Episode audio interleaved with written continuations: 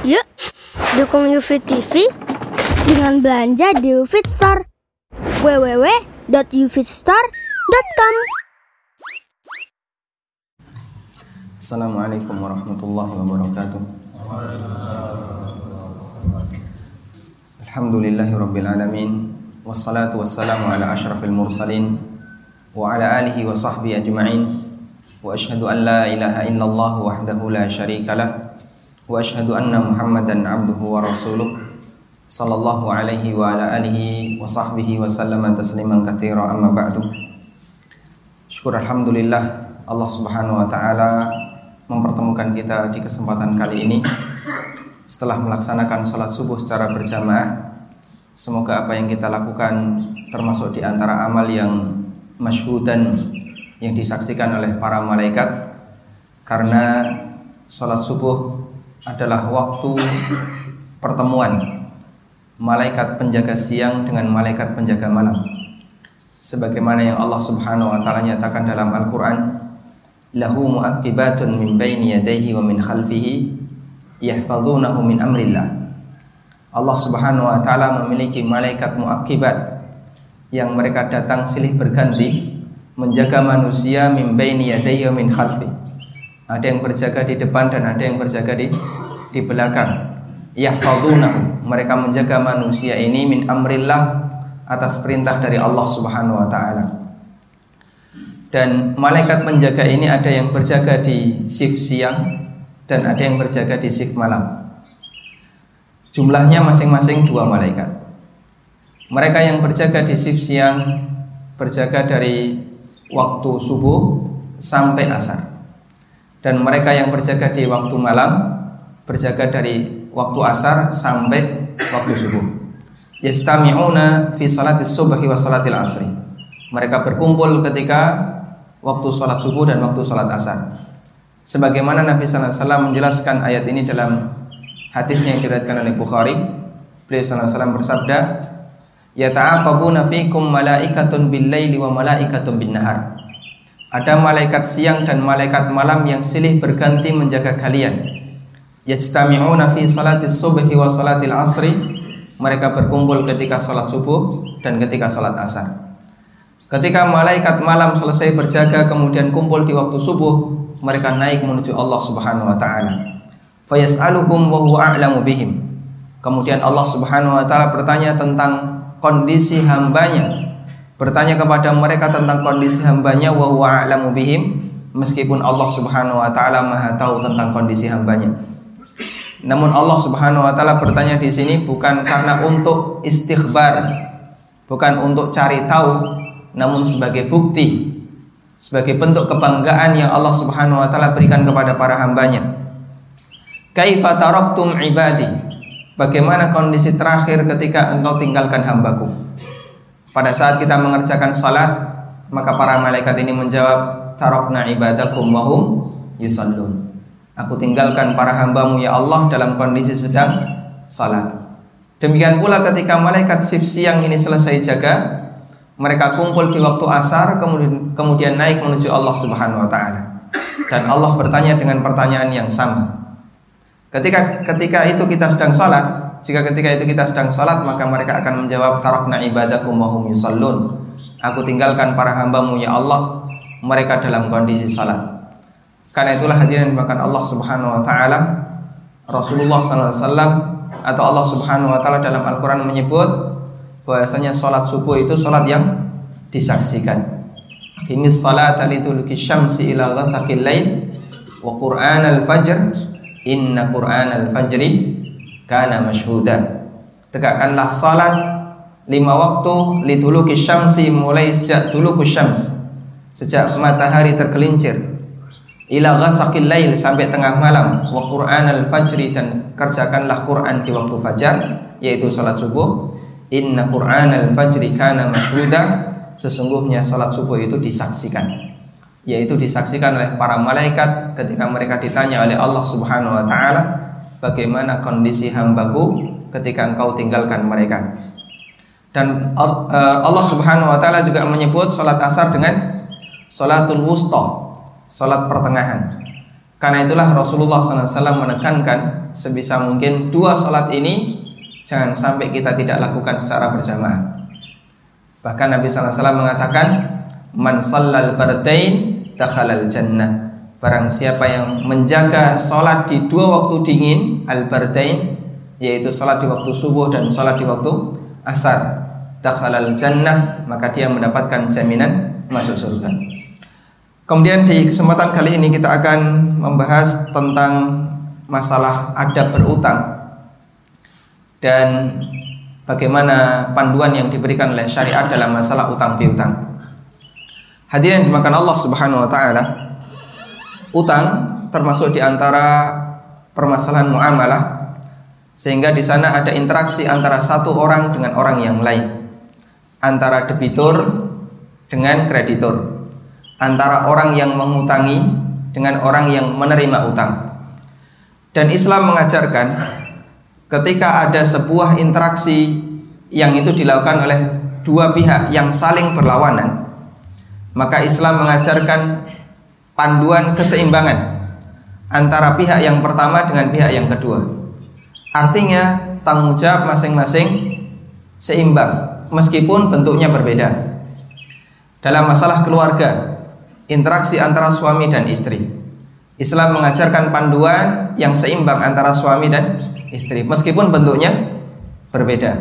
Karena yang namanya keseimbangan itu tidak pasti sama. Dan bahkan banyak keseimbangan yang Allah ajarkan yang semuanya 100% berbeda. Seorang suami Allah Subhanahu wa taala berikan kewajiban untuk apa? Menanggung nafkah istrinya, memberikan muasyarah bil ma'ruf kepada istrinya, berusaha untuk menjaga keluarganya dengan baik. Sementara seorang istri Allah wajibkan untuk apa? Berusaha menjadi makhluk yang taat, wanita yang taat kepada suaminya. Sehingga tidak mungkin kalau kemudian terjadi keseimbangan, dua-duanya Allah perintahkan untuk bersama-sama ngasih nafkah. Suami diperintahkan ngasih nafkah, istri juga diperintahkan ngasih nafkah. Nanti terus siapa yang bisa berusaha untuk taat? dan siapa yang bisa berusaha untuk mengayomi.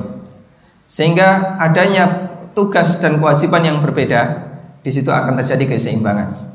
Seperti itu pula ketika Allah Subhanahu wa taala memberikan panduan untuk dua interaksi dalam masalah utang piutang. Adanya debitur dan adanya kreditor. Allah Subhanahu wa taala memberikan panduan yang berbeda. Bagaimana motivasi yang Allah berikan kepada debitur dan bagaimana motivasi yang Allah berikan kepada kreditor. Kita akan lihat beberapa dalil yang ini menunjukkan motivasi yang Allah Subhanahu wa taala berikan untuk kreditor, untuk orang yang menghutangi. Pertama, hadirin dimakan Allah.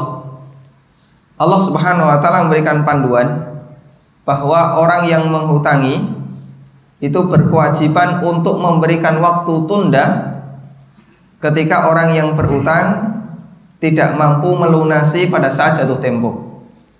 Allah Subhanahu wa taala berfirman, "Wa in kana dzu usratin fanadhiratun ila maisarah wa an tasaddaqu khairul lakum in kuntum ta'lamun."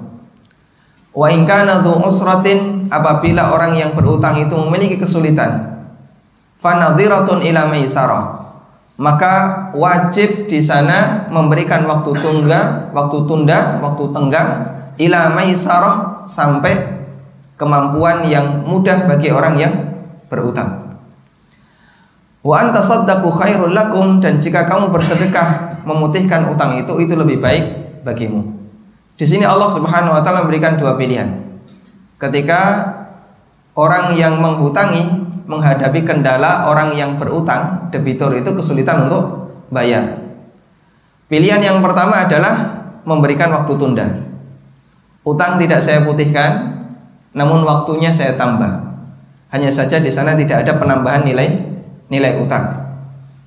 Atau yang kedua, Allah Subhanahu wa taala memberikan saran, wa anta saddaqu khairul lakum. Kalau kamu sedekahkan itu lebih baik bagi kalian in kuntum ta'lamun jika kalian mengetahui. Para ulama mengatakan dua pilihan ini hukumnya berbeda.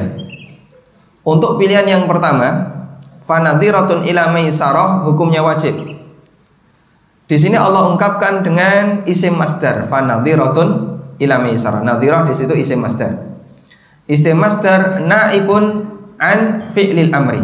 Isim masdar yang statusnya sebagai pengganti kata perintah.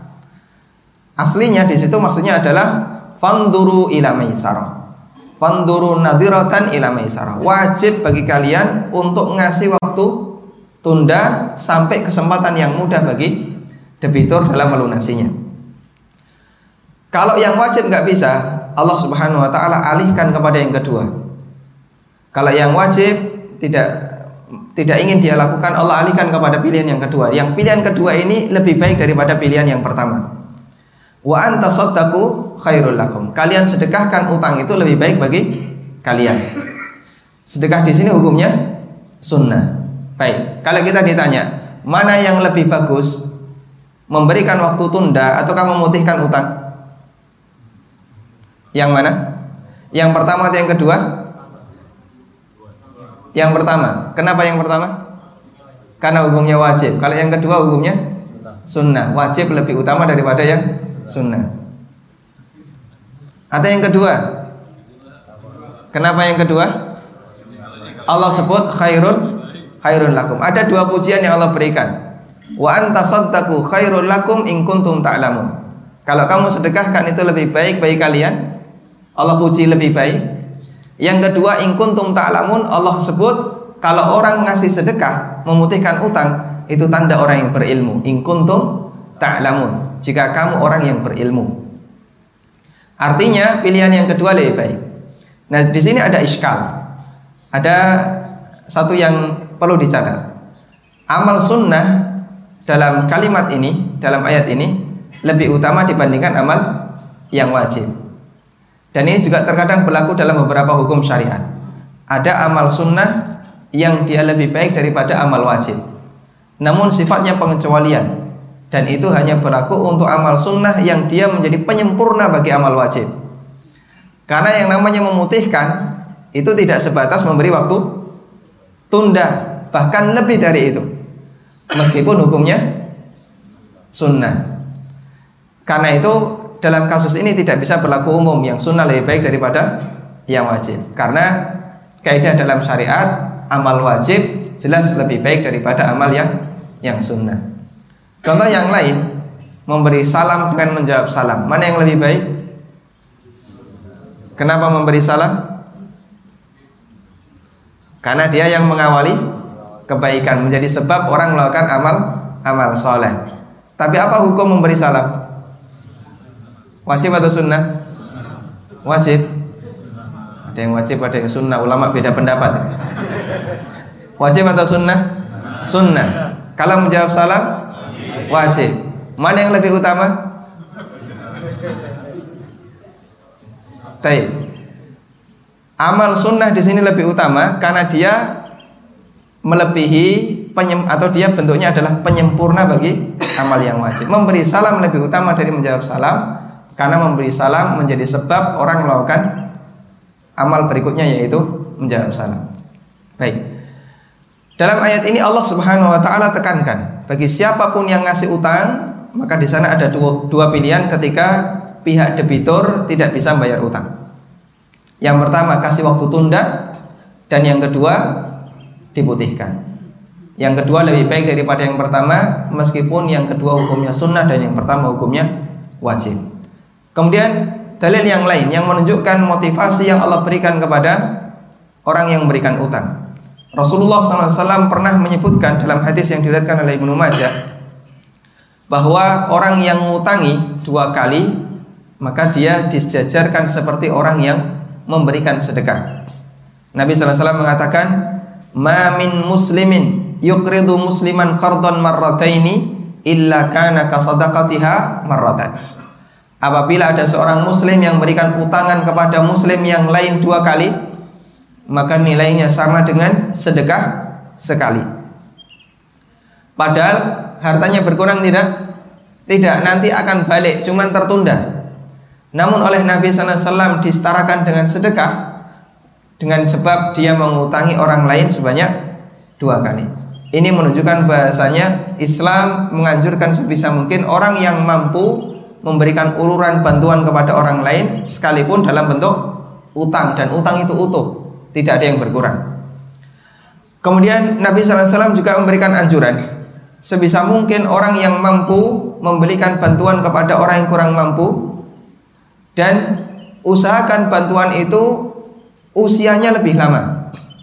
Nabi SAW pernah mengatakan dalam hadis yang sangat panjang Hadisnya riwayat Muslim, Abu Dawud dan yang lainnya Man nafasa musliman kurbatan min kurabi dunya Nafasallahu anhu kurbatan min kurabi yaumil qiyamah Siapa yang memberikan keringanan Atau siapa yang menghilangkan kesusahan yang dialami oleh seorang muslim Dari kesusahan dunia Maka Allah subhanahu wa ta'ala akan memberikan balasan kepadanya Allah hilangkan salah satu kesusahan baginya ketika di hari di hari kiamat. Karena Islam mengajarkan keseimbangan al jaza min jinsil amal. Namanya balasan itu sejenis dengan dengan amal. Kemudian Nabi SAW mengatakan dalam lanjutan hadis, Wallahu fi aunil abdi ma kana abdu fi auni akhi. Dan Allah Subhanahu wa taala akan memberikan pertolongan kepada hambanya selama hamba itu berusaha untuk menolong saudaranya. Kalau kita menolong orang lain, Kira-kira mana yang lebih lama usianya? Menolong secara fisik ataukah menolong secara finansial? Ya? Secara fisik atau finansial? Kalau Anda nolong orang lain secara fisik, tolong bantu bawakan ini ke seberang atau bantu naikkan saya ke mobil Anda antarkan ke seberang. Itu waktunya sangat terbatas karena fisik kita tidak mungkin bisa terus bersama dengan orang yang kita tolong atau kita kerja bakti, kita nolong orang lain bangun rumah itu waktunya terbatas. Tapi kalau Anda bisa nolong pakai uang, Anda nolong pakai dana, kasih uang sekian juta, bisa untuk waktu yang sangat lama. Padahal sama-sama nolong. Dan Nabi SAW memberikan jaminan, siapa yang nolong saudaranya, maka selama rentang dia menolong saudaranya, Allah Subhanahu wa taala akan memberikan bantuan kepadanya. Wallahu fi aunil abdi, maka al abdu fi auni akhi. Allah Subhanahu wa taala akan selalu menolong seseorang, seorang hamba selama dia berusaha untuk menolong saudaranya. Ini menunjukkan anjuran untuk memberikan utang, bantuan dalam bentuk dana, motivasi yang diberikan oleh Islam kepada mereka yang mampu. Kemudian yang keempat, Nabi SAW menekankan agar sebisa mungkin orang yang ngutangi itu gampangan mudah ketika mengambil utang, menarik utang, dan mudah ketika ada orang yang meminta utang kepadanya. Rasulullah SAW mengatakan dalam hadis riwayat Bukhari, rahimallahu rajulan samhan idza ba'a wa idza ishtara wa idza Allah Subhanahu wa taala merahmati orang yang dia gampangan idza ba'a apabila ketika dia menjual wa idza ishtara atau ketika dia membeli wa idaqtada dan ketika dia mengambil utang, menagih utang. Kemudian berikutnya Nabi SAW juga menganjurkan agar sebisa mungkin orang yang berutang itu berusaha untuk memberikan kemudahan orang yang utang kepadanya. Dalam hadis riwayat Bukhari Nabi SAW bercerita, "Kana tajirun yudayinun nas." Dulu ada pedagang yang dia suka ngutangi orang lain Faida ro'a mu'siran qala li Ketika dia lihat ada orang yang kesulitan untuk membayar utang, maka dia berpesan kepada para pembantunya, tajawazu anhu. Tolong orang ini tidak usah ditagih utangnya. La'allallaha ayatajawaza anna. Semoga Allah Subhanahu wa taala nanti akan mengampuni dosa kita. Fatajawazallahu anhu kata Nabi sallallahu alaihi wasallam kemudian Allah Subhanahu wa taala mengampuni dosanya. Ini menunjukkan bagaimana hadirin dimakan Allah bahwasanya Islam itu memberikan motivasi kepada mereka yang mampu untuk berusaha memberikan kemudahan, memberikan utangan, bahkan nawarkan kepada orang lain bantuan dalam bentuk dana sebagai bentuk berusaha untuk membantu saudaranya. Jadi kira-kira kalau kita ditanya teori semacam ini yang paling yang paling serius mengamalkan siapa Pak contohnya Pak? Ya. Kira-kira teori yang tadi kita baca Nabi SAW motivasi bantu orang lain yang butuh dana, kasih utangan dan seterusnya. Kira-kira teori semacam ini yang paling sering mengamalkan siapa? Perbankan. Jadi di satu sisi bank itu sesuai dengan sunnah. Dia ngasih motivasi orang lain untuk utang. Bahkan keliling ke pasar, keliling ke berbagai macam ke penjuru-penjuru pelosok untuk nyari orang yang mau yang mau utang. Ini kalau kemudian bank kita lihat dari sudut pandang berusaha untuk ngasih bantuan kepada orang lain. Yang nggak butuh utang saja ditawari, Pak ya. Apalagi mereka yang mengajukan untuk butuh utang. Baik. Cuman sayangnya tidak diseimbangkan dengan yang kedua. Kemudian kita akan lihat motivasi yang kedua yang diberikan dalam Islam untuk orang yang berutang. Kalau tadi orang yang ngutangi, sekarang motivasi untuk orang yang berutang. Untuk orang yang ngutangi, motivasinya adalah ngasih bantuan, ngasih kucuran utang, ngasih kemudahan dan seterusnya. Sementara untuk yang kedua orang yang tidak mampu, Allah Subhanahu wa taala motivasi. Islam memberikan motivasi sebisa mungkin nolak-nolak. Sebisa mungkin jangan terlalu menggantungkan diri kepada orang lain. Kita akan lihat beberapa hadis Nabi SAW yang memberikan motivasi untuk orang yang tidak mampu. Pertama, dalam hadis dari Abu Hurairah radhiyallahu anhu yang diriwayatkan oleh Imam Ahmad, Turmudi dan yang lainnya, Nabi SAW bersabda, "Nafsul mu'min mu'allaqatun bidainihi hatta yuqda anhu." Jiwa seorang mukmin itu tergantung ya, terikat dengan utangnya hatta yuqda anhu sampai dia lunasi hutangnya. Namanya jiwa kalau dia tergantung terikat dengan orang lain bisa tenang atau tidak? Bisa tenang atau tidak? Tentu tidak bisa tenang. Dia akan selalu resah karena ada bagian orang lain yang ada padanya. Ada bagian orang lain, ada hak orang lain yang dia bawa. Karena itulah dalam hadis yang lain yang diriwayatkan oleh Imam Ahmad Rasulullah SAW menyebut utang itu sesuatu yang menakutkan. Rasulullah SAW pernah mengatakan, La tukhifu anfusakum ba'da amniha. Janganlah kalian menakut-nakuti diri kalian ba'da amniha setelah Allah Subhanahu wa taala memberikan keamanan bagi kalian. Qalu wa madzaka ya Rasulullah? Para sahabat bertanya, "Apa yang Anda maksud ya Rasulullah?" Qala kata beliau, "At-tain." Yang saya maksud adalah utang. Jadi kalau orang ingin hidupnya aman, hidupnya nyaman, pagi hari tidak punya beban, sebisa mungkin hari itu jangan sampai punya punya utang. Ini motivasi yang diberikan oleh Islam kepada siapa? Orang yang tidak mampu.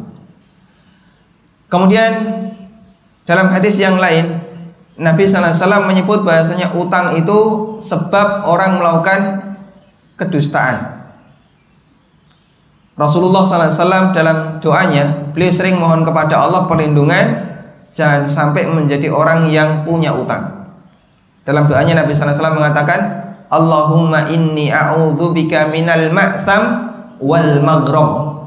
Ya Allah aku berlindung kepadamu minal ma'sam dari sumber dosa wal maghram dan kondisi pailit yang menyebabkan aku utang. Kata para ulama dalam hadis ini Nabi Sallallahu Alaihi Wasallam memohon perlindungan kepada Allah dari dua bencana dunia akhirat. Al-ma'sam sumber dosa adalah bencana bencana akhirat. Wal maghram kondisi bangkrut pailit sampai menyebabkan beli utang adalah penyebab bencana dunia. Ketika ditanya oleh Aisyah radhiyallahu anha, "Mengapa ya Rasulullah kalau orang berdoa minal maksam, seorang nabi berdoa memohon kepada Allah jangan sampai terjebak dalam sumber dosa, ini wajar. Karena para nabi menyadari betapa pentingnya hidup di akhirat. Tapi mengapa sampai Nabi Muhammad SAW berdoa kepada Allah? Beliau mohon kepada Allah jangan sampai beliau menjadi orang yang jatuh pailit, miskin sampai nekat untuk banyak berutang. Ketika beliau ditanya demikian, jawab beliau inna rajula idza gharima haddatsa fa kadzaba wa wa'ada fa khalafa. Karena orang itu kalau kemudian sudah punya banyak utang, ngomongnya ngawur. Kalau dia ngomong suka berdusta, kalau janji suka mengingkari. Bulan depan saya lunasi, sampai bulan depan tiga bulan berikutnya tetap saja belum dilunasi. Sehingga dia suka menunda janji, membatalkan janji dan seterusnya disebabkan karena dia punya punya utang. Dan ini memberi pelajaran kepada kita bahwa agar seorang muslim itu tidak banyak berdusta, sebisa mungkin hindari perbuatan yang membuat kita suka beralasan. Kenapa demikian? Karena orang itu kalau sudah kepepet, biasanya bagaimana?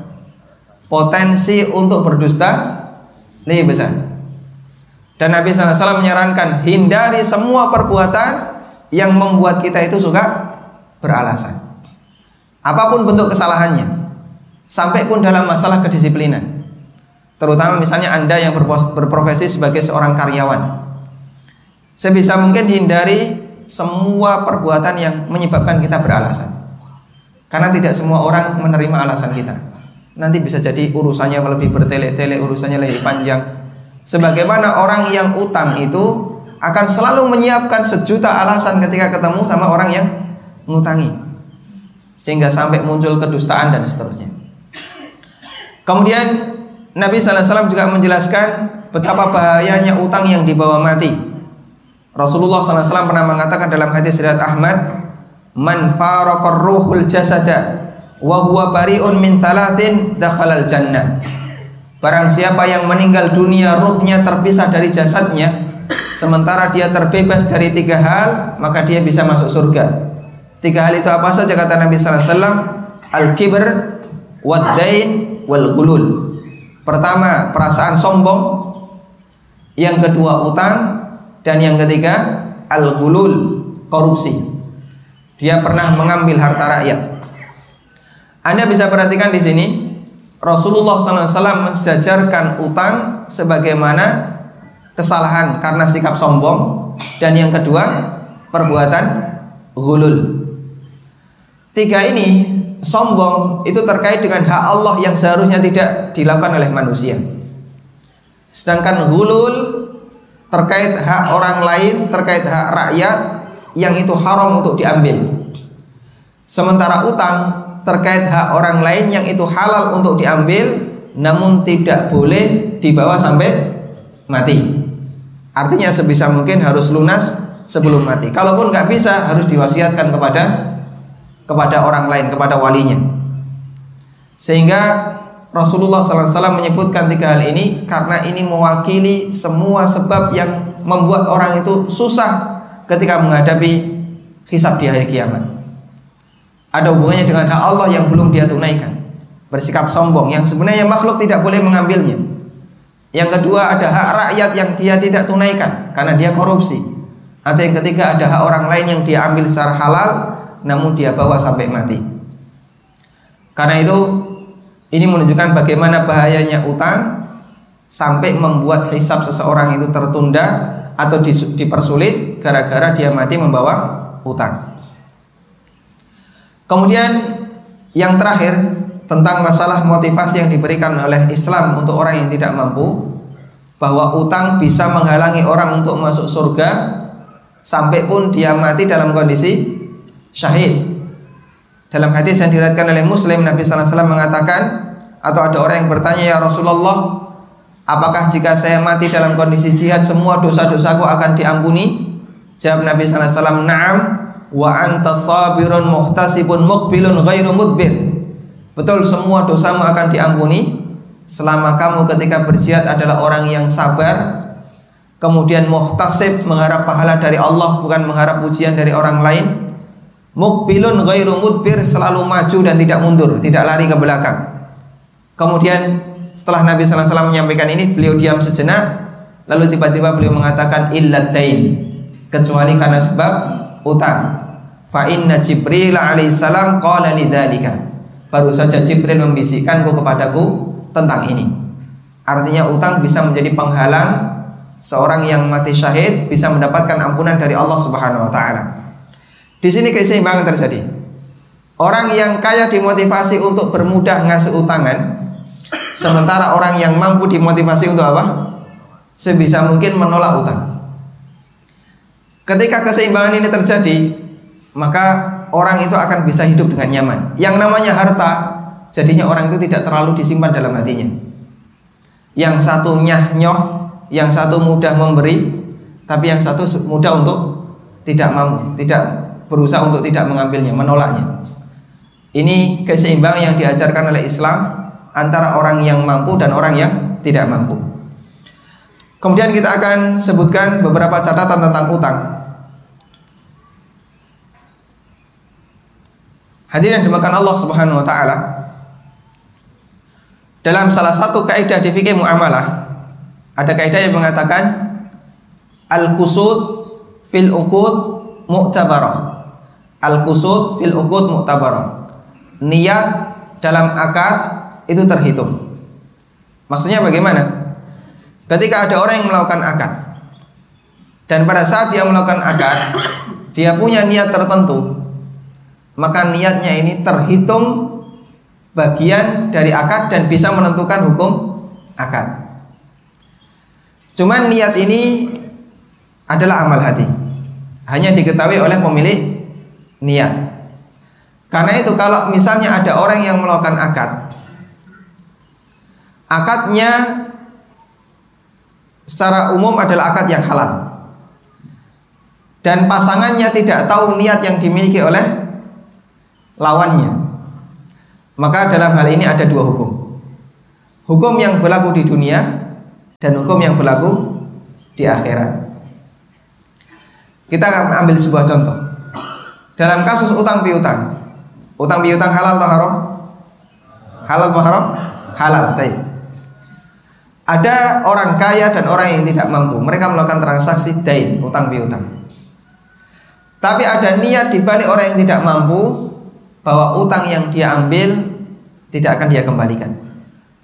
Di sini ada dua hukum yang berlaku. Untuk orang yang ngutangi hukumnya mubah. Bahkan ini termasuk amal yang dianjurkan. Sementara untuk orang yang berutang disebabkan dia punya niat tidak mengembalikan, maka statusnya seperti mencuri. Padahal dia mengambil dengan cara yang yang mubah, yang halal.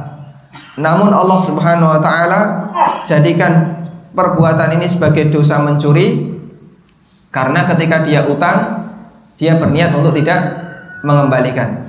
Jadi ada zahir akad, ada konsekuensi akad. Ada konsekuensi dunia dan ada konsekuensi akhirat. Konsekuensi dunia berlaku sesuai dengan hukum zahir. Dalam akadnya karena orang yang ngutangi tidak tahu bahasanya ini mau tidak bayar, mau menghilangkan uang, mau menghabiskan uang itu, maka dia sah untuk ngasih utangan. Tapi dia yang mengambil utang karena dia punya niat tidak mau membayar, statusnya mencuri.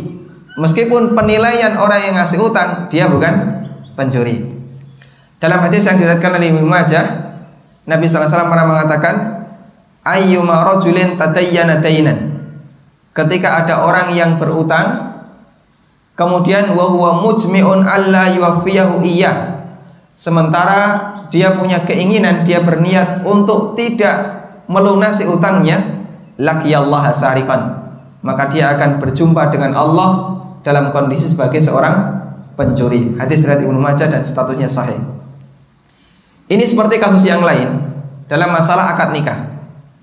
Kalau ada orang yang menikah, kemudian sang suami punya keinginan, punya niat untuk tidak ngasih mahar kepada istrinya, maka suami ini status pernikahannya adalah batal dan dia berzina. Terus bagaimana dengan istrinya? Pernikahannya sah bagi istri. Istri tidak menanggung dosa kesalahan suaminya. Sebagaimana dalam hadis yang diriwayatkan oleh Imam Ahmad, Rasulullah SAW menceritakan, ayyuma rajulin tazawwaja imra'atan wa mujmi'un alla yuwaffiyaha alla yuwaffiyaha mahraha sitaqaha siapa pun lelaki yang menikahi wanita kemudian dia punya niat untuk tidak ngasih mahar kepada istrinya laki Allah wa huwa zanin. Maka dia akan berjumpa kepada Allah berjumpa dengan Allah dalam kondisi membawa dosa zina. Berarti bagaimana? Nikahnya dibatalkan oleh Allah. Karena dia tidak memenuhi salah satu syarat sah nikah. Dia punya keinginan untuk tidak membayar mahar. Terus bagaimana dengan pasangannya? Karena dia nggak tahu niat suaminya, status nikahnya sah bagi dia dan dia tidak disebut sebagai seorang wanita berzina. Meskipun suaminya dianggap sebagai pelaku perbuatan zina. Dohir akadnya sah atau tidak? Dohir akadnya sah.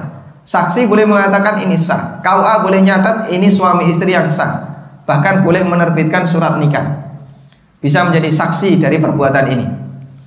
Tapi bagi orang yang punya niat yang tidak baik ini, dia dihukumi sesuai dengan niatnya. Karena kaidah tadi al-qusud fil uqud mu'tabar. Bahwa niat dalam dalam muamalah dalam akad itu terhitung.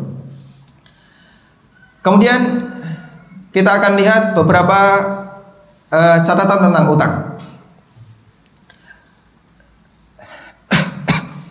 Bolehkah orang menghutangi atau orang melunasi utang dan di situ diberi kelebihan. Hadirin dimakan Allah Subhanahu wa taala. Ada beberapa dalil yang menunjukkan bolehnya ngasih kelebihan ketika membayar membayar utang. Hadis yang pertama, ini peristiwa yang pernah dialami oleh Jabir bin Abdullah radhiyallahu anhu. Dalam perjalanan pulang dari Safar, Jabir itu ontanya lambat, tidak bisa berjalan cepat. Sudah dipukul-pukul nggak mau jalan cepat. Kemudian dihampiri oleh Nabi Wasallam. Lalu Nabi Wasallam bertanya, kamu kenapa? Kata Jabir, onta saya tidak mau jalan cepat. Akhirnya ontanya ditepuk oleh Rasulullah SAW dan seketika itu bisa langsung jalan cepat. Kemudian disusul oleh Nabi SAW dan beliau menawarkan kepada Jabir, saya mau beli ontamu. Setelah itu sepakat boleh dibeli namun dengan syarat saya diizinkan untuk naik unta ini sampai Madinah. Dibeli oleh Nabi sallallahu alaihi wasallam dengan sekian dinar, uangnya nanti dibayar di mana? Di Madinah. Maka Nabi sallallahu alaihi wasallam punya utang kepada Jabir senilai sekian dinar sebagai harga onta. Tapi onta itu ada di tangan siapa? masih ada di tangan Jabir karena Jabir minta syarat beliau dikasih kesempatan untuk naik onta sampai Madinah. Artinya di sini perpindahan kepemilikan onta sudah terjadi ketika akad. Meskipun serah terima barang baru dilakukan kapan? Tertunda setelah Nabi SAW dan Jabir sampai di Madinah. Kemudian sesampainya di Madinah, Jabir mau menyerahkan ontanya namun oleh Nabi SAW dikembalikan kepada Jabir disedekahkan kembali kepada Jabir. Ini boleh atau tidak? boleh. Dalilnya praktek Nabi SAW tadi. Dan ini bukan termasuk bayina kalau bayina jual beli ina itu terjadi jika dikembalikan dan minta uang. Tapi kalau ini dikembalikan dalam bentuk apa? sedekah. Ini diperbolehkan. Akhirnya Jabir minta kepada Nabi Wasallam nilai uang yang menjadi harga onta.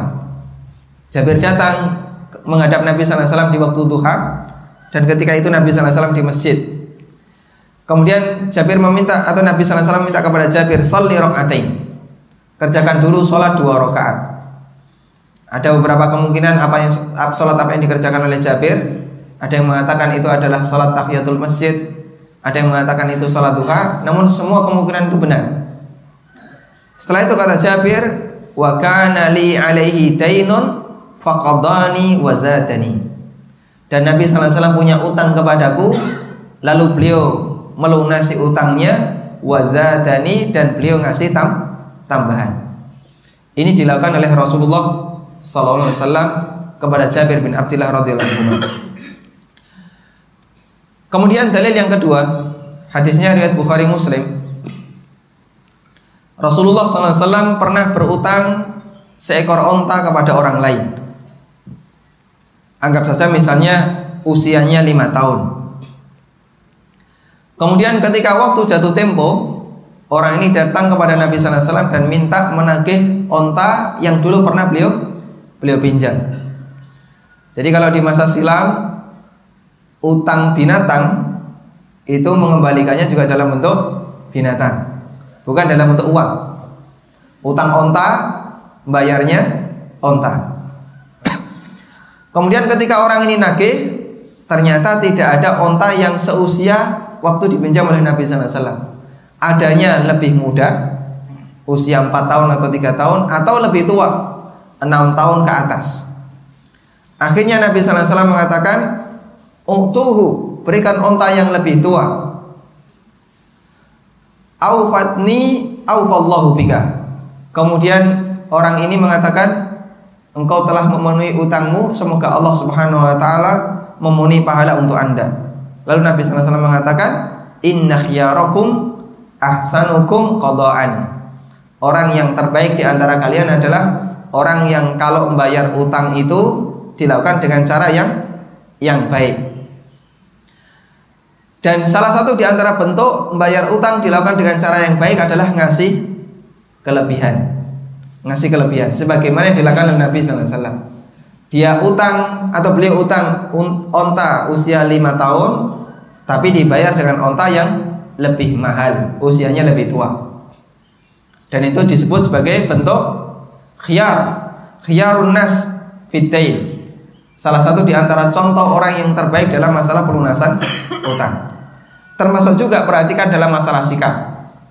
Kadang ada orang yang ketika ngutang itu masya Allah sopan santunnya dijaga. Kalau sudah lagi minta, itu dia berusaha untuk ngambil hati orang yang mau memberi utang. Tapi pas pelunasan uangnya dilempar.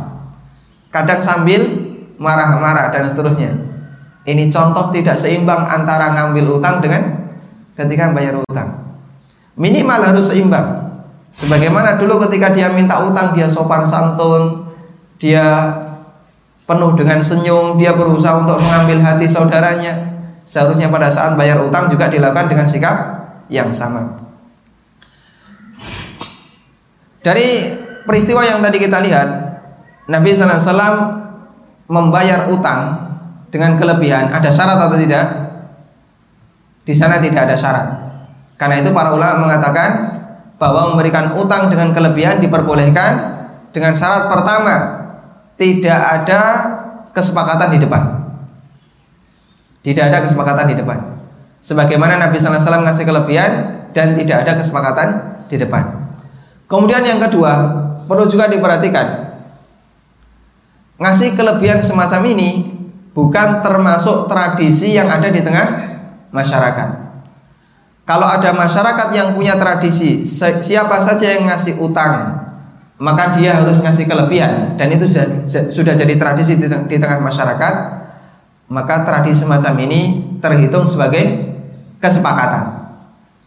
Tradisi terhitung sebagai kesepakatan karena ada kaidah al ma'rufu urfan kal masyruti syarton.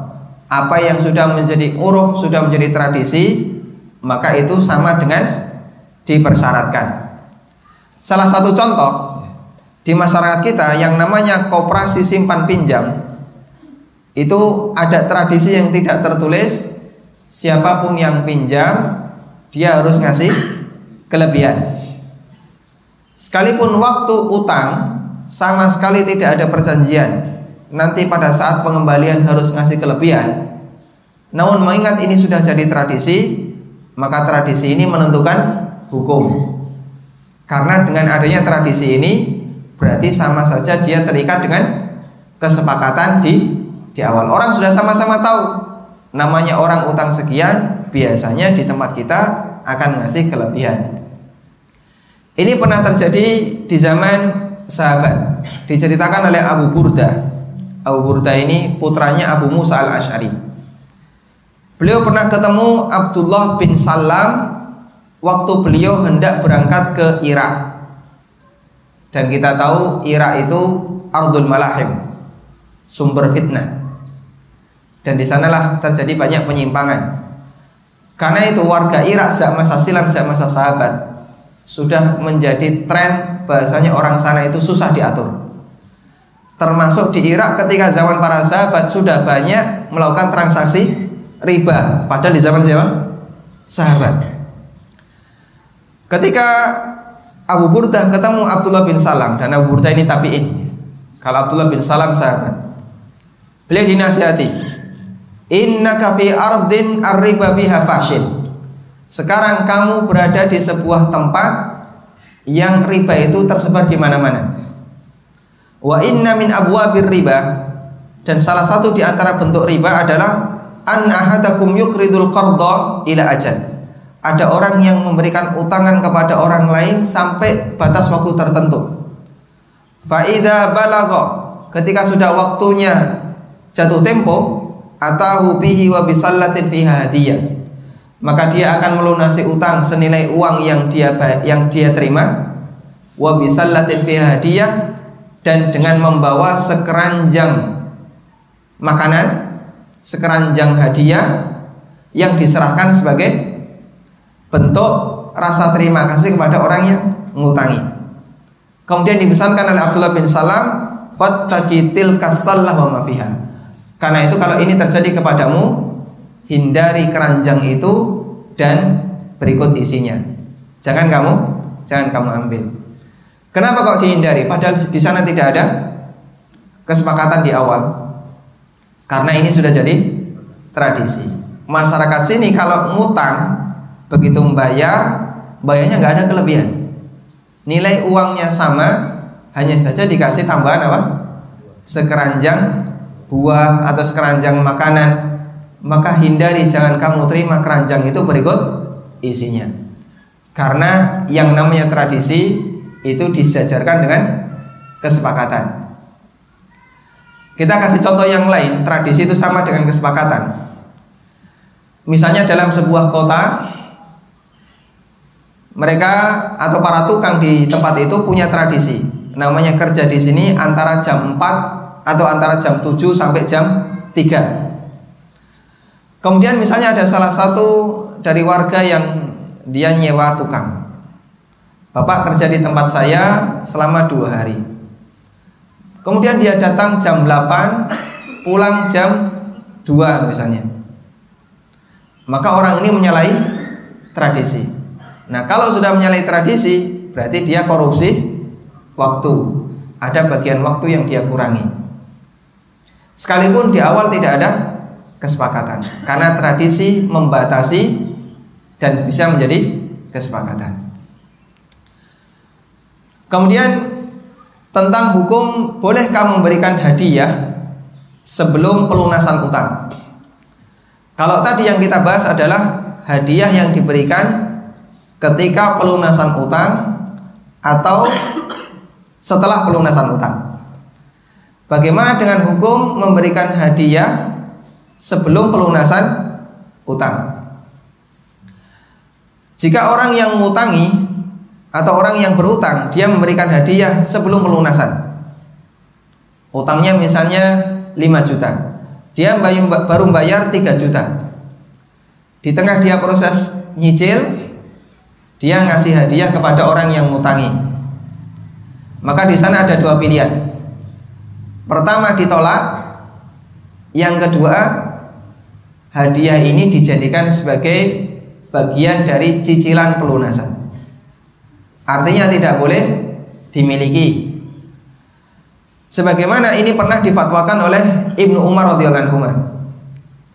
Ada seorang yang mengutangi orang lain Kemudian orang yang ngutangi tadi, orang yang berutang tadi memberikan hadiah. Lalu difatwakan oleh Ibnu Umar, rudda ilaihi hadiyata au ihsibha lahu. Kembalikan kepadanya hadiah itu atau hitung bagian dari pelunasan utang. Jadi boleh diterima namun dengan syarat apa? Dijadikan sebagai bagian pelunasan utang. Fatwa yang kedua juga disampaikan oleh sahabat Ibnu Abbas radhiyallahu. Dari Salim bin Abil Ja'ad, beliau menceritakan ada orang yang bertanya kepada Ibnu Abbas, "Saya mengutangi seorang penjual ikan senilai 20 dirham. Kemudian dia menghadiahkan ikan kepadaku dan harganya kira-kira 13 dirham. Lalu ada Ibnu Abbas, khud minhu sab'ata darahim. Jika demikian, ambil sisa pelunasannya tujuh dirham. Kenapa? Karena yang 13 dirham sudah dibayar dalam bentuk dalam bentuk hadiah ikan. Ini aturan yang diberikan oleh Nabi SAW atau oleh para sahabat, fatwa yang diberikan oleh para sahabat ketika ada orang yang ngasih hadiah sebelum masa pelunasan. Jadi sampai seperti ini Islam mengatur agar tidak ada celah terjadinya riba. Karena riba itu terjadi ketika proses transaksi utang piutang. Wallahu taala alam. Ini yang bisa kita antarkan jam setengah tujuh. Wassalamualaikum ala nabiyyina Muhammadin wa ala alihi wa sahbihi wasallam. Ada yang ingin disampaikan kami persilahkan.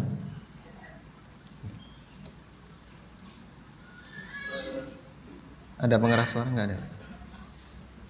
Atau bisa mendekat mas?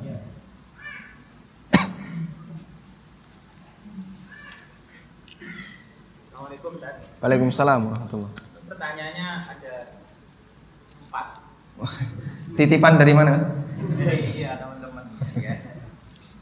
Karena hutang ini kan apa ya? Saya tidak bilang penyakit, cuman sudah merakyat.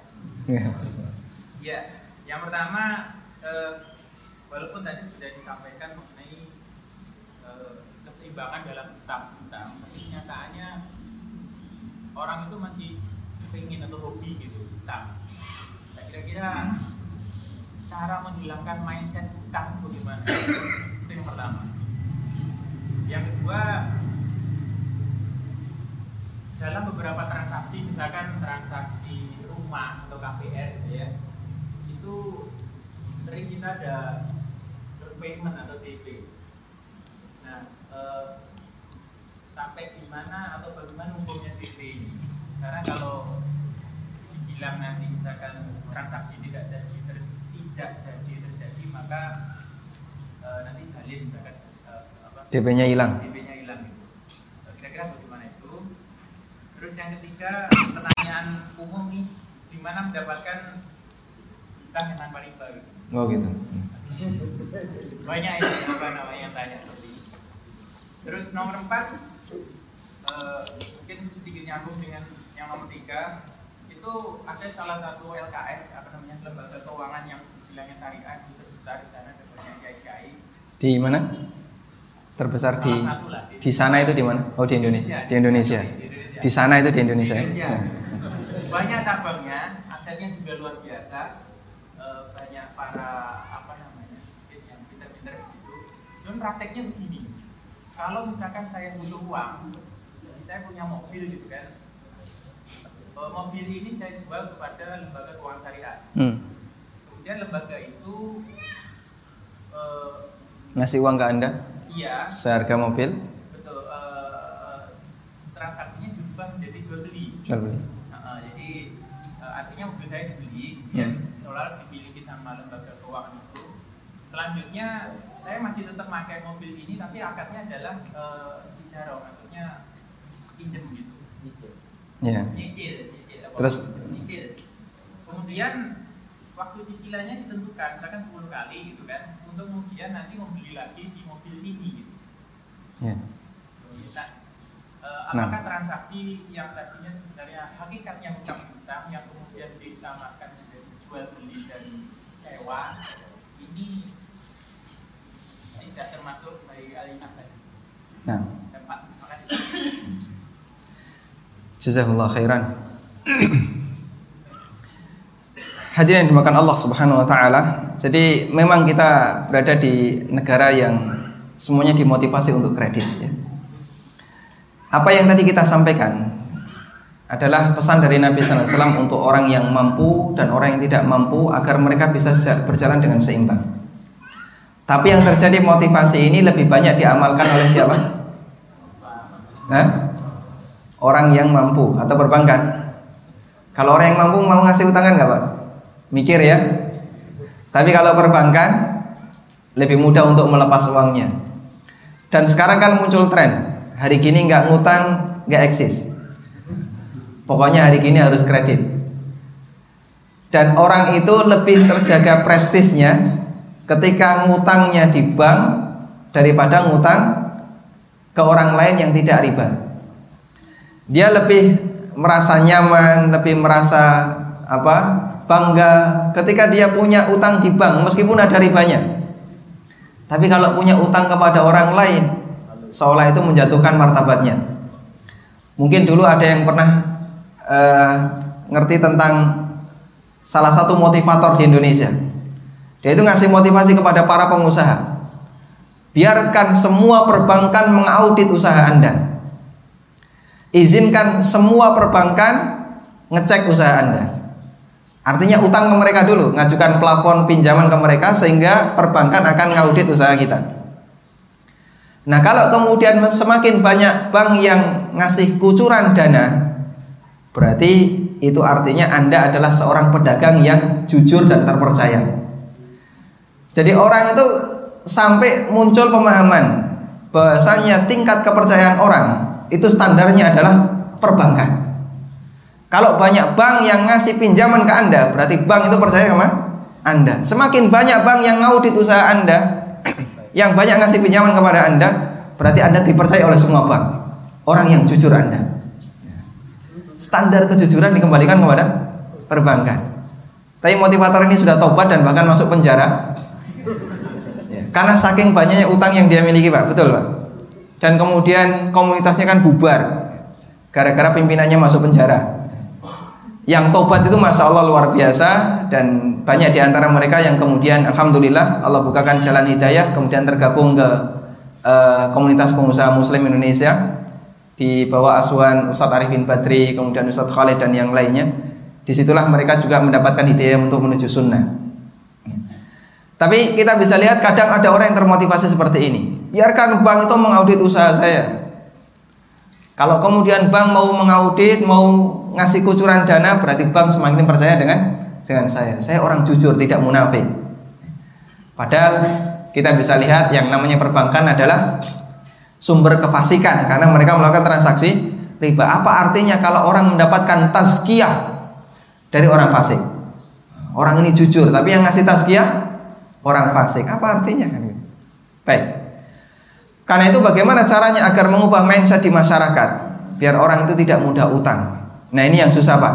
Namanya mengubah mindset ini perjuangan besar. Karena berarti mempengaruhi semangat orang, hati orang. Ya salah satu di antara upayanya adalah kajian kecil-kecil semacam ini. Mereka dikasih motivasi pokoknya orang yang nggak mampu sebisa mungkin jangan utang. Diberitahu kepada mereka bahwasanya utang itu menakutkan. Rasulullah SAW bahkan sampai menyebut bahwa seorang mujahid sekalipun yang mati di bidang jihad, dia seorang yang mati syahid terhalang untuk mendapatkan ampunan dosa gara-gara utangnya. Siapa di antara kita yang punya pahala mati syahid? Di Indonesia hampir nggak ada, jarang sekali. Mati syahid di medan perang maksudnya ya, bukan mati syahid syahid akhirat, tapi syahid dunia akhirat yaitu syahid di medan perang. Meskipun demikian Rasulullah SAW menunjukkan bahasanya orang semacam ini terhalang untuk mendapatkan ampunan dosa gara-gara utangnya. Apalagi bagi kita yang amalnya terlalu sedikit, itu pun wallahu alam diterima atau tidak. Ikhlasnya juga wallahu alam, kualitasnya wallahu alam, yang semuanya serba terbatas. Seharusnya orang menyadari. Makanya salah satu di antara cara agar orang itu lebih mudah untuk menghindari harta-harta haram adalah ditanamkan keimanan yang kuat tentang keberadaan hari akhir. Orang itu kalau imannya kuat tentang hari akhir, tauhidnya kuat, maka akan sangat mudah untuk menerima semua hukum syariat. Jadi nggak perlu kowar-kowar mari kita kembali tegakkan khilafah Islamiyah, tegakkan hukum syariat. Mereka akan minta dengan sendirinya. Karena dia sadar bahasanya kehidupan tidak sekali. Dia ingin jangan sampai kehidupan akhirat lebih melelahkan daripada kehidupan dunia. Dan seperti inilah cara yang dilakukan oleh Rasulullah SAW. Riba itu haram sejak kapan? Ketika Islam datang, riba belum diharamkan. Ada empat tahapan. Allah Subhanahu Wa Taala mengharamkan riba. Artinya dulu di awal Islam riba itu dibiarkan. Kemudian bertahap seterusnya sampai akhirnya riba diharamkan sekecil apa pun oleh Nabi sallallahu alaihi wasallam. Padahal dulu banyak di antara sahabat yang melakukan transaksi riba. Salah satu di antara yang melakukan transaksi riba paman Nabi sallallahu alaihi wasallam sendiri. Siapa namanya? Abbas bin Abdul Muthalib. Makanya ketika Nabi sallallahu alaihi wasallam haji wada, beliau pernah berceramah tentang bahaya riba dan beliau katakan wa awwalur riba adahu riba Abbas bin Abdul Muthalib. Riba pertama yang saya batalkan adalah riba pamannya sendiri, Abbas bin Abdul Muthalib untuk menunjukkan kesungguhan perang dengan riba sampai pun keluarganya tidak boleh. Ini di antara cara untuk menanamkan agar masyarakat itu tidak bermudah untuk ngutang dan hindari lembaga-lembaga penyedia utang, Pak, yang di situ mensyaratkan riba. Kita hindari semacam ini. Kadang ada orang yang dengan sengaja membuat lembaga keuangan menyediakan banyak utang kepada masyarakat, padahal aslinya mereka nggak butuh utangan. Koperasi simpan pinjam itu kan dibentuk untuk itu, Pak ya. Sehingga justru yang terjadi adalah mengajarkan orang untuk utang. Seimbang dalam satu sisi, tapi yang satunya tidak diajarkan. Yang satu betul mudah dalam ngasih utang, tapi yang satunya seharusnya dimotivasi jangan bermudah-mudah untuk berutang. Kalau kemudian masyarakat dimotivasi semacam ini, insya Allah utang akan bisa kita tekan. Kemudian yang kedua tentang masalah down payment, hukum DP. DP itu dalam bahasa Arab disebut dengan baik urbun. Baik urbun. Boleh dibaca urbun atau arbun. Dan ada hadis yang diriwayatkan oleh Ibnu Majah. Nah Rasulullah SAW an bai'il urbun. Nabi SAW melarang jual beli urbun. DP itu sudah ada sejak masa silam, sejak masa jahiliyah kemudian dilakukan oleh para sahabat dilestarikan oleh kaum muslimin setelah Islam datang. Ada hadis yang diriwayatkan oleh Abu Dawud tadi, Rasulullah SAW melarang jual beli urbun semacam ini. Dia bayar sekian persen sebagai persekot. Nanti kalau sekiranya transaksi dibatalkan, maka uang yang didapatkan menjadi milik siapa? Menjadi milik pemilik barang. Sementara orang yang mau membeli uangnya hangus. Ini di masa jahiliyah sudah ada. Kemudian oleh kaum muslimin ini tetap dilestarikan. Hanya saja hadis yang tadi kita baca, nah Rasulullah SAW an urbun, ini hadisnya dhaif. Hadisnya dhaif. Padahal hadis dhaif yang terkait dengan hukum itu tidak di, diterima hadis doaif yang ditoleransi oleh para ulama itu hadis doaif yang terkait dengan fadilah amal. Tapi kalau hadis doaif terkait dengan hukum larangan baik urbun, berarti terkait dengan apa? Hukum. Karena ada masalah lima hukum. Wajib, sunnah, mubah, makruh dan haram. Kalau terkait dengan ini hadis doaif tidak diterima. Tidak bisa jadi dalil. Mengingat ini terkait dengan salah satu lima hukum taklif yaitu haram, maka hadis ini tidak bisa diterima sehingga para ulama mengatakan hadis ini tidak berlaku. Karena itu kembali kepada hukum asal. Hukum asal segala transaksi adalah mubah sampai ada dalil yang melarang. Sehingga berdasarkan ini maka jual beli urbun diperbolehkan. Boleh ada down payment dengan perjanjian nanti kalau lanjut maka DP ini jadi bagian dari pembayaran dan kalau dibatalkan DP akan hangus. Ini diperbolehkan dan di situ tidak ada unsur kedoliman. Karena DP ini sebagai ganti masa tunda bagi pemilik barang untuk tidak dia tawarkan kepada orang lain. Padahal peluang pasar banyak. Dan bahkan bisa jadi ada orang yang nawar dengan harga yang lebih lebih besar. Hanya saja perlu dibedakan ini Pak ya. Antara baik urbun dengan baik bit taksid DP dengan cicilan. Bedanya apa? Kalau DP biasanya nilainya sangat kecil. Karena hanya sebatas untuk tanda jadi pengikat. Nanti bisa dilanjut bisa tidak dilanjut. DP itu sudah transaksi belum? Sudah transaksi belum? Belum. Cuman dia ada ketertarikan untuk beli. Sebagai konsekuensi janji beli saya ikat dulu barangnya. Ini saya kasih uang sebagai pengikat barang. Karena itu biasanya nilainya kecil. Berbeda dengan cicilan. Kalau cicilan itu nilainya besar. Karena dia bagian dari pelunasan pembayaran. Sehingga umumnya nilainya besar. Yang kedua, hanya sebatas DP belum terjadi perpindahan kepemilikan karena belum ada akad. Belum ada transaksi jual beli. Tapi kalau cicilan di situ sudah ada akad, sudah deal harga, kemudian dia sudah membayar cicilan pertama.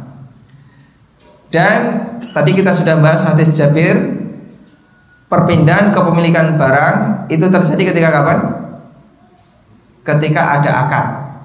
Sebatas ada akad, kepemilikan barang sudah ber, berpindah. Maka barang ini sudah menjadi hak milik hak milik pembeli. Kemudian yang ketiga, perbedaan yang ketiga, DP bisa hangus. Sehingga ketika pembeli membatalkan transaksi, DP menjadi hak milik pemilik barang. Tapi kalau cicilan atau dia tidak bisa hangus.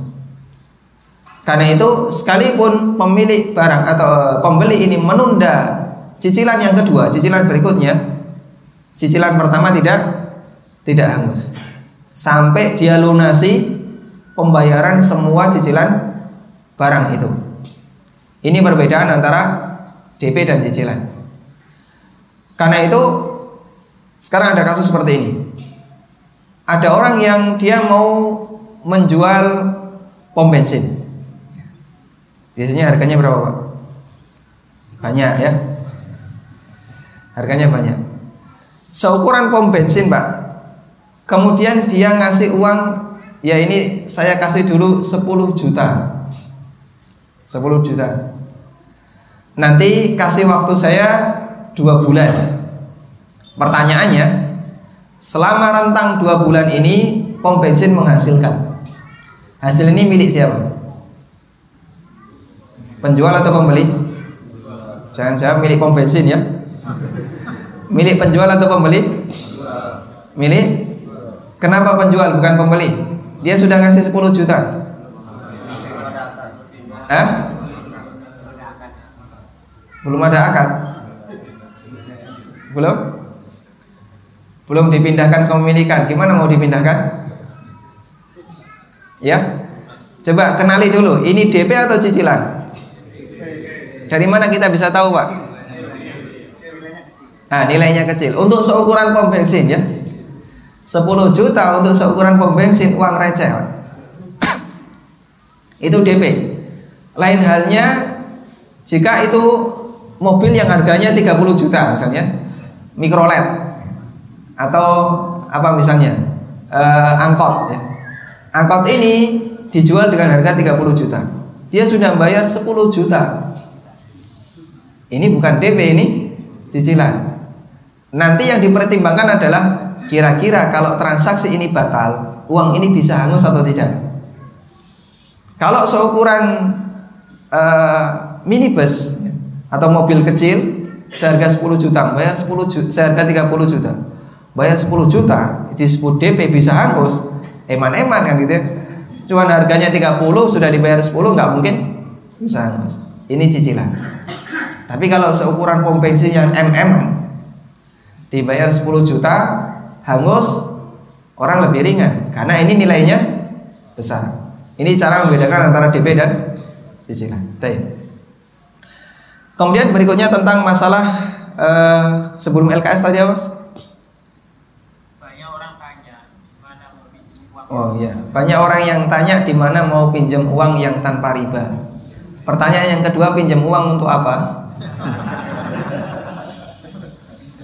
Kalau dia pinjam uang, saya mau pinjam uang untuk membayar SPP anak saya atau untuk beli beras karena ini beras habis saya nggak punya uang.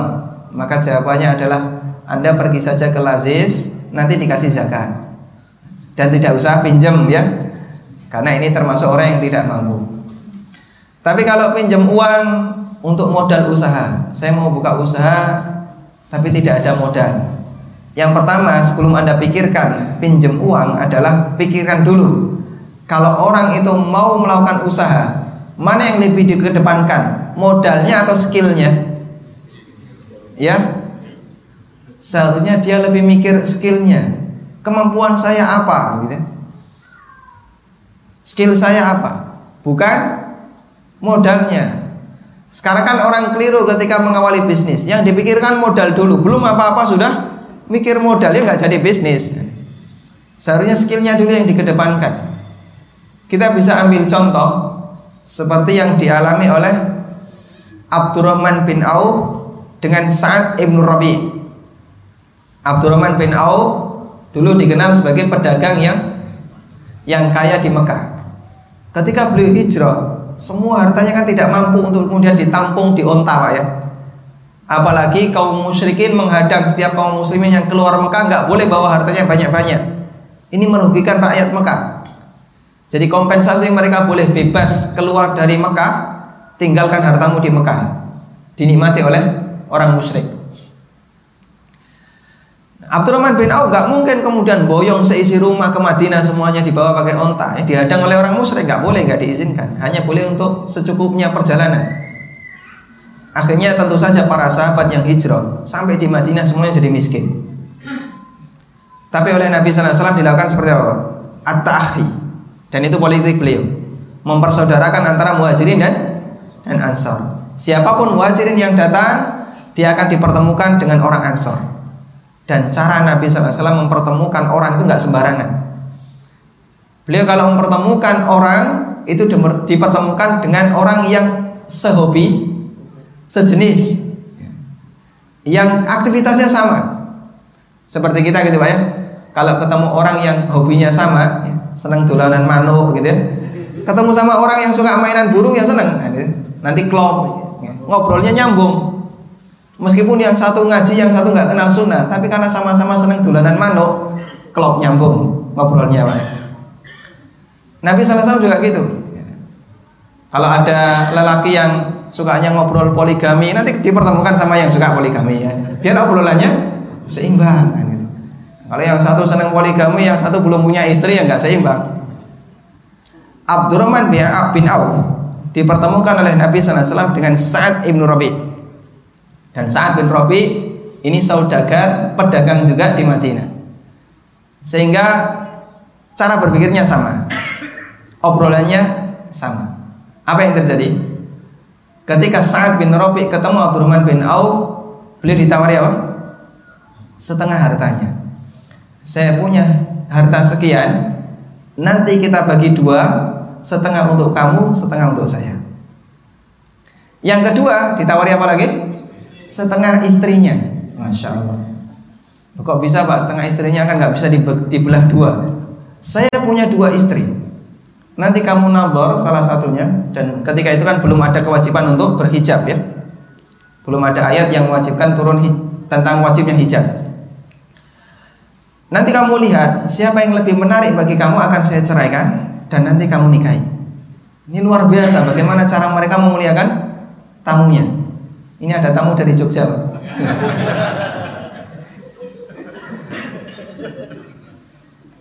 Tapi coba kita lihat. Abdurrahman bin Auf, masya Allah, bukan seperti kita pak ya. Andaikan itu adalah kita. Beliau bukan orang yang kemaruk begitu ya. Ada ditawari harta langsung diterima. Nggak boleh nolak sedekah. Alasannya. Tidak demikian. Beliau tolak itu semuanya. Terus beliau katakan bagaimana? Dulani ainasub tunjukkan mana pasar. Jadi yang beliau minta bukan modal tapi menunjukkan skillnya seperti itu bagaimana e, pengalaman yang diberikan oleh para sahabat ketika memulai bisnis jangan hanya memikirkan modal tapi pikirkan skill apa yang anda jual bukan dari mana Anda bisa mendapatkan dana. Kemudian yang terakhir tentang masalah LKS, tadi sudah disampaikan bentuk transaksinya. Saya juga pernah mendengar ini dari uh, salah satu uh, apa, tetangga saya. Tapi mungkin ini kajiannya agak panjang. Sampai jam berapa kita, Pak? Oke? Sampai jam 7. Kurang 4 menit, Pak. Baik, semoga cukup. Ini transaksi yang aneh. Barangnya satu, tapi akad muawadohnya dua. Dan kalau ini terjadi, itulah bayina. Bayina itu teorinya barangnya satu, muawadohnya dua. Muawadoh itu akad komersil. Akad yang di situ ada untung rugi, jual beli, sewa menyewa, dan seterusnya itu namanya muawadoh. Barangnya satu, objeknya satu. Sehingga nanti tidak terjadi keseimbangan. Karena diperebutkan apakah barang ini berpihak di akad yang pertama ataukah di akad yang kedua. Sebagai contoh, ini contoh baik ina yang disebutkan dalam kitab-kitab fikih. Saya butuh uang, kemudian datang ke A. Tapi A tidak mau ngasih pinjaman kepada saya tanpa kelebihan. A perhitungan, ada nilai waktu uang. Nah. Akhirnya A menawarkan ke saya, ini saya punya HP, saya jual ke kamu harganya satu juta kredit. Ya sudah, saya terima HP itu satu juta kredit. Berarti ter terjadi transaksi apa? Jual beli HP secara kredit, harganya satu juta. Baik. Setelah kamu terima HP itu, jual lagi ke saya tunai, harganya 900 ribu. Tunai. Maka saya kasihkan ke A HP tadi. Kemudian dia ngasih saya 900 ribu. Karena dia bayarnya tuh tunai. Bubar transaksi saya pulang bawa berapa 900 ribu tapi punya tanggung jawab nyicil 1 juta harga HP yang tadi saya beli secara kredit transaksi di awal kan nggak batal ya Cuma transaksi di awal ditumpuk dengan transaksi yang kedua objeknya sama. Sementara si A pulang dengan membawa HP-nya dan dia punya hak untuk mendapatkan cicilan satu juta dari saya. Ini transaksi Aina. Hakikatnya apa? Utang bayar lebih. Saya utang satu juta dibayar secara kredit nyicil tapi uang yang dikasihkan 900 ada kelebihan berapa? 100 ribu ini jual beli Aina Kasus yang terjadi juga seperti tadi itu. Jadi bapak punya properti, misalnya rumah. Saya butuh uang untuk mengembangkan rumah yang lain atau mau membuka lahan. Kita datang ke bank. Kalau banknya bank syariah dia paham. Jika kita transaksi utang piutang, nanti bank tidak akan mendapatkan keuntungan. Karena tidak boleh ada keuntungan dalam utang piutang. Dia berlabel syariah, nggak mau seperti ini. Akhirnya bank akan melakukan transaksi pilihan yang lain. Bapak punya properti apa? Punya rumah. Baik. Saya beli rumah Bapak senilai 1M. Tunai. Akhirnya langsung dikasihkan 1M tunai. Sudah? Tapi di saat yang sama, Bapak harus menyewa rumah Bapak setiap bulan bayar 50 juta. Selama Berapa misalnya? Kalau tadi 1 M tunai untuk dicicil 2 tahun per tahunnya per bulannya berapa berarti Pak? Ya misalnya anggap saja per bulannya 50 juta. Bapak per bulan harus bayar 50 juta. Per bulan selama 2 tahun. Selama 2 tahun. Akhirnya setelah sepakat maka rumah ini ditempati oleh siapa? Eh? oleh penjual rumah. Jadi rumahnya sudah dijual, tapi dia tetap tinggal di situ. Statusnya sewa. Sementara bank punya hak mendapatkan nilai sewa 50 juta setiap bulan. Nanti kalau di total dia sudah bisa mendapatkan misalnya 2 M selama 2 tahun. Jadi ada kelebihan 1 M. Terus, nah nanti kalau sudah selesai 2 tahun masa sewa kan selesai. Nah ini membingungkan ini masa sewa sudah selesai, berarti rumah kalau masa sewa selesai kembali kepada pemiliknya. Pemiliknya bank. Masalahnya pemilik rumah nggak mau diusir dari situ. Bapak masa sewanya sudah selesai, bapak harus keluar. Akhirnya dilakukan apa? Dilakukan transaksi yang ketiga, yaitu jual beli rumah dengan harga seadanya. Harga seadanya itu biaya administrasi. Bapak boleh beli rumah ini dengan harga 200 ribu rupiah Lucu. Jadi tumpuk berapa transaksi, Pak? Tiga transaksi. Objeknya satu. Bisa dipastikan ini hanya kamuflase. Inilah salah satu di antara sisi kelemahan bank. Bank syariah itu dibentuk berawal dari bank konvensional. Sehingga mereka yang berada di bank syariah bukan orang yang dulunya pernah ngaji tauhid selama dua tahun atau pernah ikut kajian tentang masalah halal haram tiga tahun baru bangun bank syariah. Dia sampai berani membuat sebuah lembaga keuangan yang jelimet transaksinya. Itu kan seharusnya pondasinya harus kuat dulu, Pak ya. Kalau orang itu bisa melihat bagaimana penjelasan para ulama tentang masalah sayrof. Dulu ada namanya sayrofi.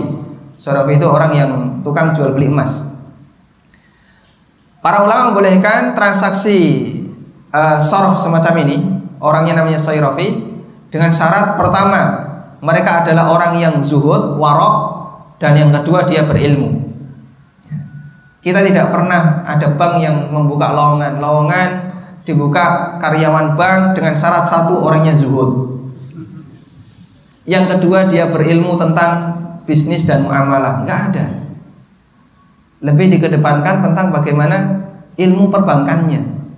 Nah ini yang terjadi. Sehingga karena pondasi tauhidnya lemah, akidahnya lemah, maka yang terjadi bukan perpindahan dari konvensional ke syariah, tapi yang terjadi adalah kamuflase transaksi. Dan itu yang kita sangat sayangkan. Meskipun mereka beralasan kami punya fatwa, tapi tolong diingat, fatwa ini kan bisa ditarik ulur ya. Jadi dalam dunia perbankan fatwa itu bertingkat. Ada tingkat internasional seperti yang dimiliki oleh Al-Ma'ayir Asy'ariyah di bawah uh, lembaga perbankan internasional Islam. Kemudian ada fatwa satu negara nasional ini MUI yang melembagai mereka membuat namanya DSN. Nah, bank sendiri juga punya fatwa. Pernah disampaikan oleh salah satu karyawan bank. Ada banyak transaksi yang diajukan oleh perbankan ke MUI, tapi belum ada jawaban fatwa. Sehingga fatwa DSN itu tidak memenuhi semua kebutuhan bank. Akhirnya dengan terpaksa maka bank membuat tim fatwa sendiri di dalam bank yang ini akan menjawab semua kebutuhan bank. Jadi fatwa itu disesuaikan dengan kebutuhan. Wallahu taala alam. Semoga yang kita sampaikan ini bermanfaat. Wassallallahu ala nabiyyina Muhammadin wa ala alihi wa sahbihi wasallam. Wa akhiru da'wana alhamdulillahi rabbil alamin. Subhanakallahumma bihamdik asyhadu an la ilaha illa anta astaghfiruka wa atubu ilaik. Wassalamualaikum warahmatullahi wabarakatuh.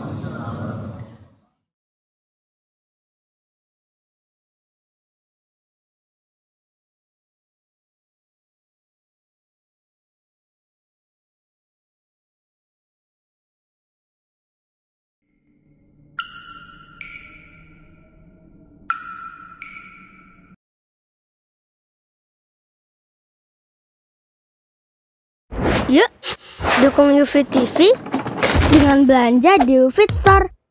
www.ufitstore.com